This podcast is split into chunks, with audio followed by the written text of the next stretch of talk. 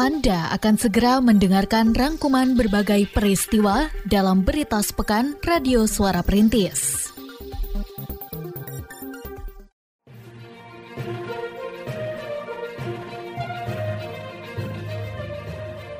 Berita sepekan Radio Suara Perintis FM Kota Sukabumi.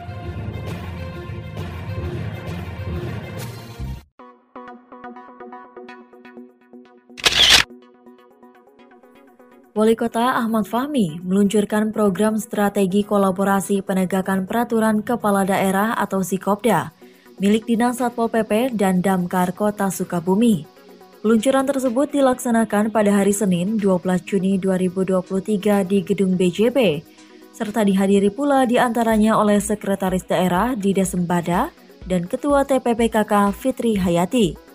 Dalam sambutannya saat peluncuran, Wali kota mengatakan bahwa tugas dari Satuan Polisi Pamong Praja adalah menegakkan ketertiban umum, menciptakan ketentraman dan memberikan perlindungan masyarakat yang dilakukan di antaranya dengan menegakkan peraturan daerah dan peraturan kepala daerah. Dalam upaya penegakan tersebut tidak akan terlepas dari kolaborasi dengan berbagai pihak, dan oleh karena itu, program Sikopda diharapkan mampu membangkitkan semangat kolektivitas, dalam mewujudkan kota Sukabumi tertib, aman, dan nyaman. Sedangkan Kepala Dinas Satpol PP dan Damkar Kota Sukabumi, Ayi Jamiat, menyebutkan bahwa lahirnya program ini dilatar belakangi belum optimalnya penegakan peraturan daerah dan peraturan kepala daerah oleh pihaknya. Uh, jadi pada hari ini, alhamdulillah kita sudah melaksanakan kegiatan launching Sikopda. Sikopda ini merupakan eh, sebuah program ya inovasi dari Satuan Polisi Pamung Praja. Sikopda ini singkatan strategi kolaborasi penegakan perda dan peraturan kepala daerah. Jadi kami memiliki inovasi bagaimana caranya menegakkan peraturan daerah dan peraturan kepala daerah ya supaya bisa terlaksana dengan baik dan optimal di Kota Sukabumi.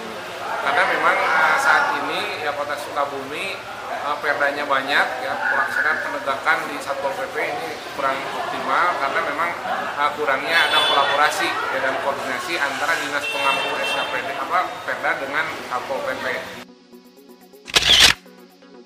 Kepala Dinas Tenaga Kerja atau Disnaker Kota Sukabumi, Abdul Rahman, yang ditemui pada 9 Juni 2023 di kantornya, angkat bicara mengenai maraknya TPPO atau tindak pidana perdagangan orang dengan modus memberikan pekerjaan di luar negeri, terlebih pihaknya mencatat selama ini telah terjadi empat kasus yang melibatkan warga kota Sukabumi sebagai korbannya. Ia mengungkapkan bahwa modus yang sering digunakan para pelaku TPPO adalah dengan mengiming-imingi calon korban, bahkan pada beberapa kasus memberikan sejumlah uang kepada calon korban agar mereka mau mengurus dokumen yang diperlukan untuk berangkat ke luar negeri. Oleh karena itu, ia pun menghimbau kepada warga agar berhati-hati menerima tawaran bekerja di luar negeri dengan selalu memeriksa legalitas perusahaan yang memberikan penawaran tersebut kepada pihaknya.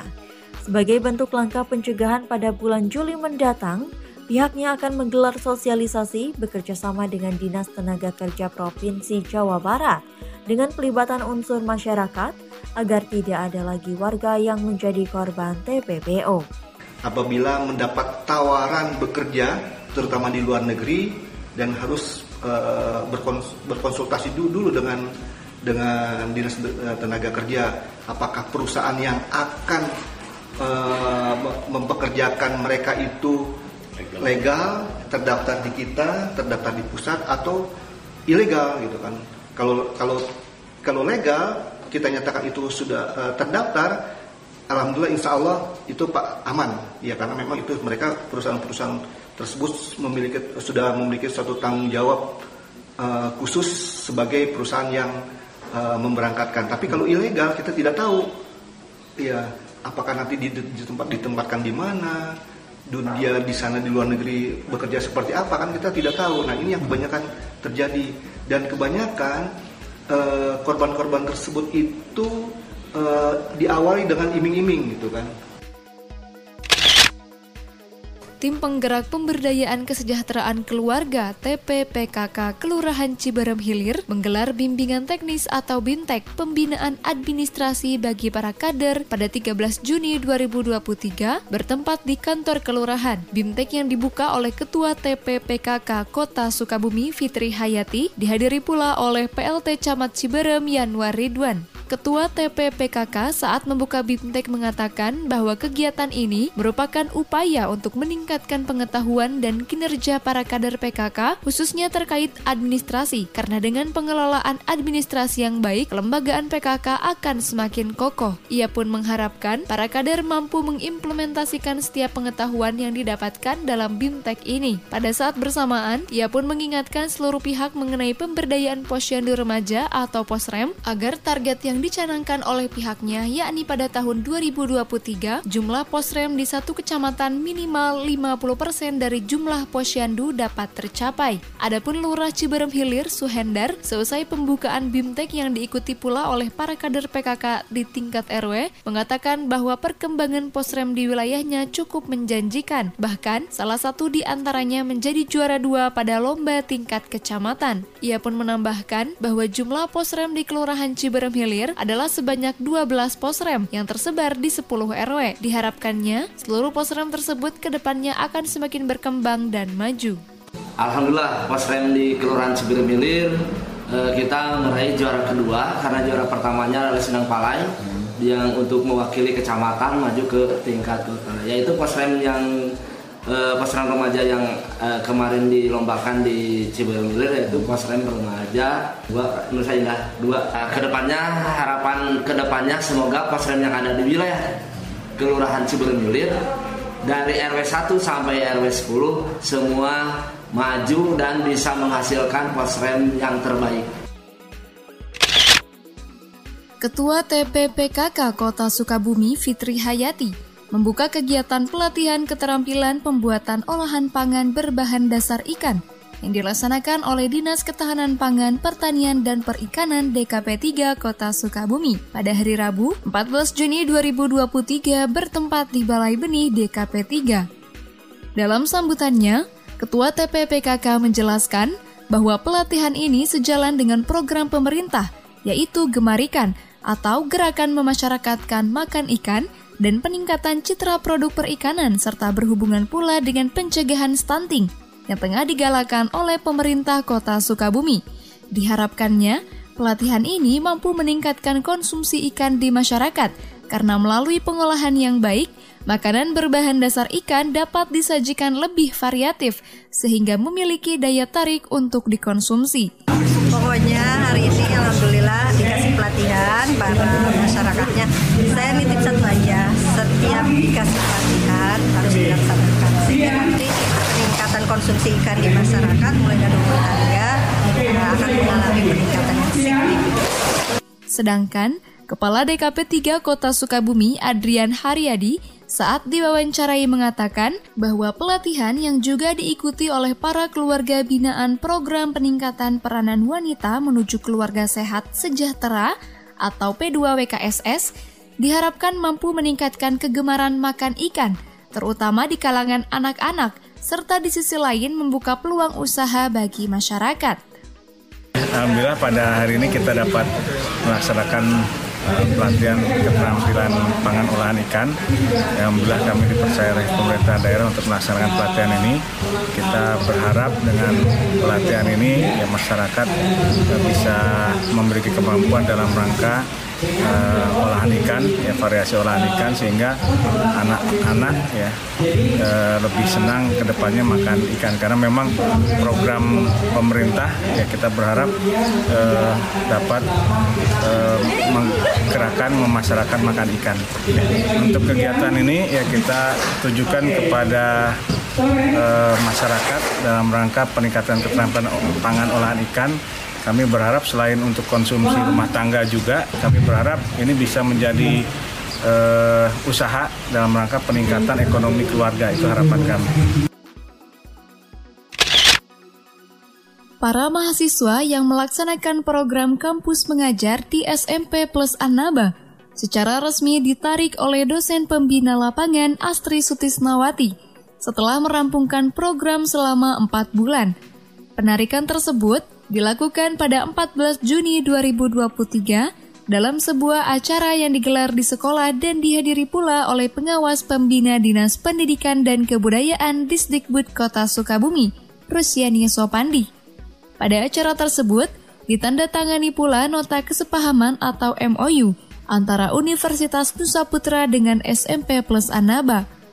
Pengawas pembina Disdikbud Kota Sukabumi pada kesempatan tersebut mengatakan bahwa program kampus mengajar merupakan bagian dari penerapan kurikulum merdeka yang bertujuan untuk mewujudkan peserta didik berkarakter profil Pancasila.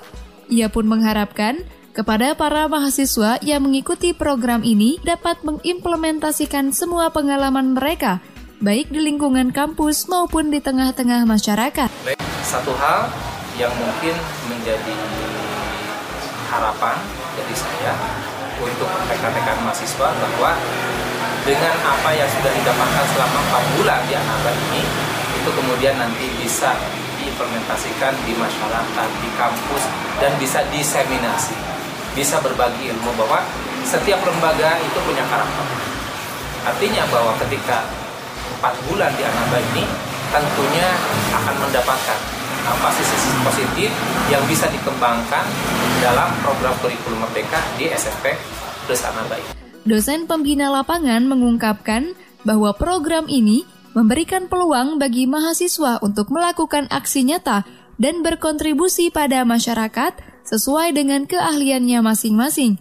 Seperti dijelaskannya, bahwa para mahasiswa yang terlibat dalam kampus mengajar di bawah bimbingannya menyusun berbagai program berbasis literasi, numerasi, teknologi, dan peningkatan asesmen kompetensi minimum atau AKM untuk diajarkan kepada peserta didik di SMP Plus Anaba.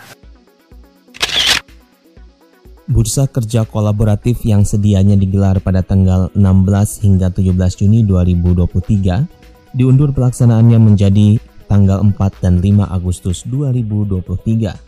Hal ini disampaikan oleh Kepala Dinas Tenaga Kerja di Snaker Kota Sukabumi Abdul Rahman yang didampingi oleh Kepala Kampus Universitas Bina Sarana Informatika Jamal Maulana melalui unggahan media sosial di Snaker pada 13 Juni 2023.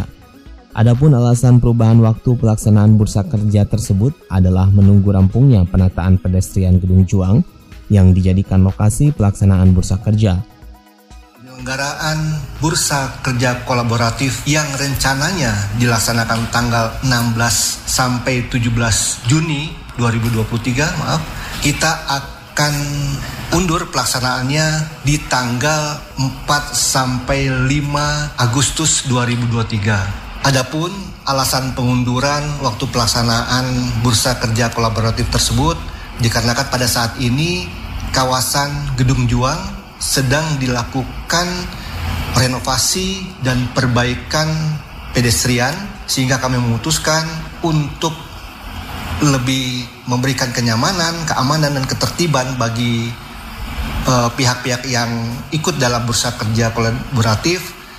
Uh, pelaksananya akan kami undur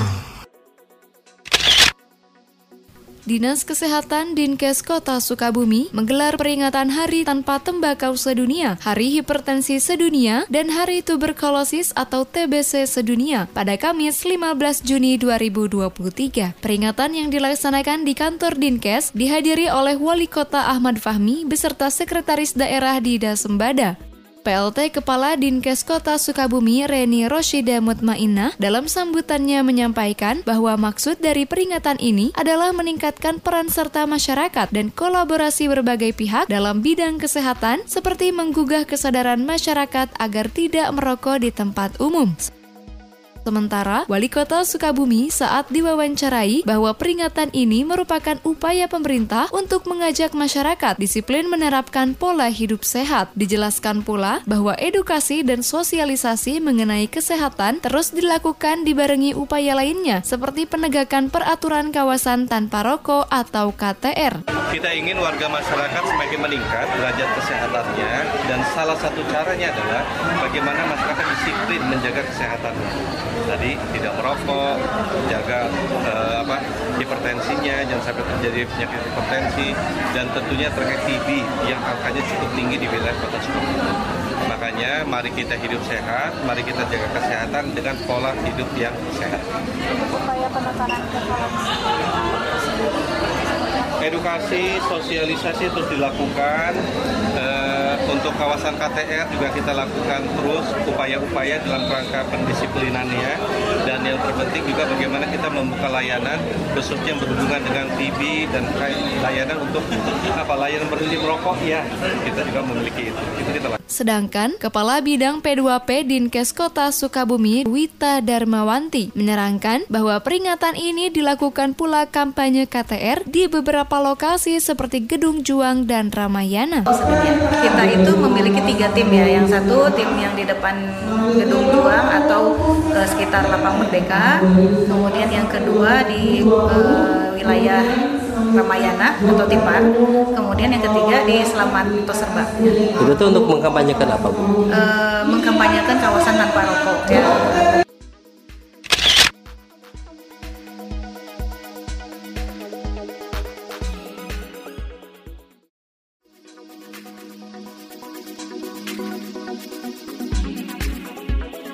Demikian berita sepekan Radio Suara Perintis edisi kali ini. Terima kasih, sampai berjumpa di berita sepekan edisi selanjutnya.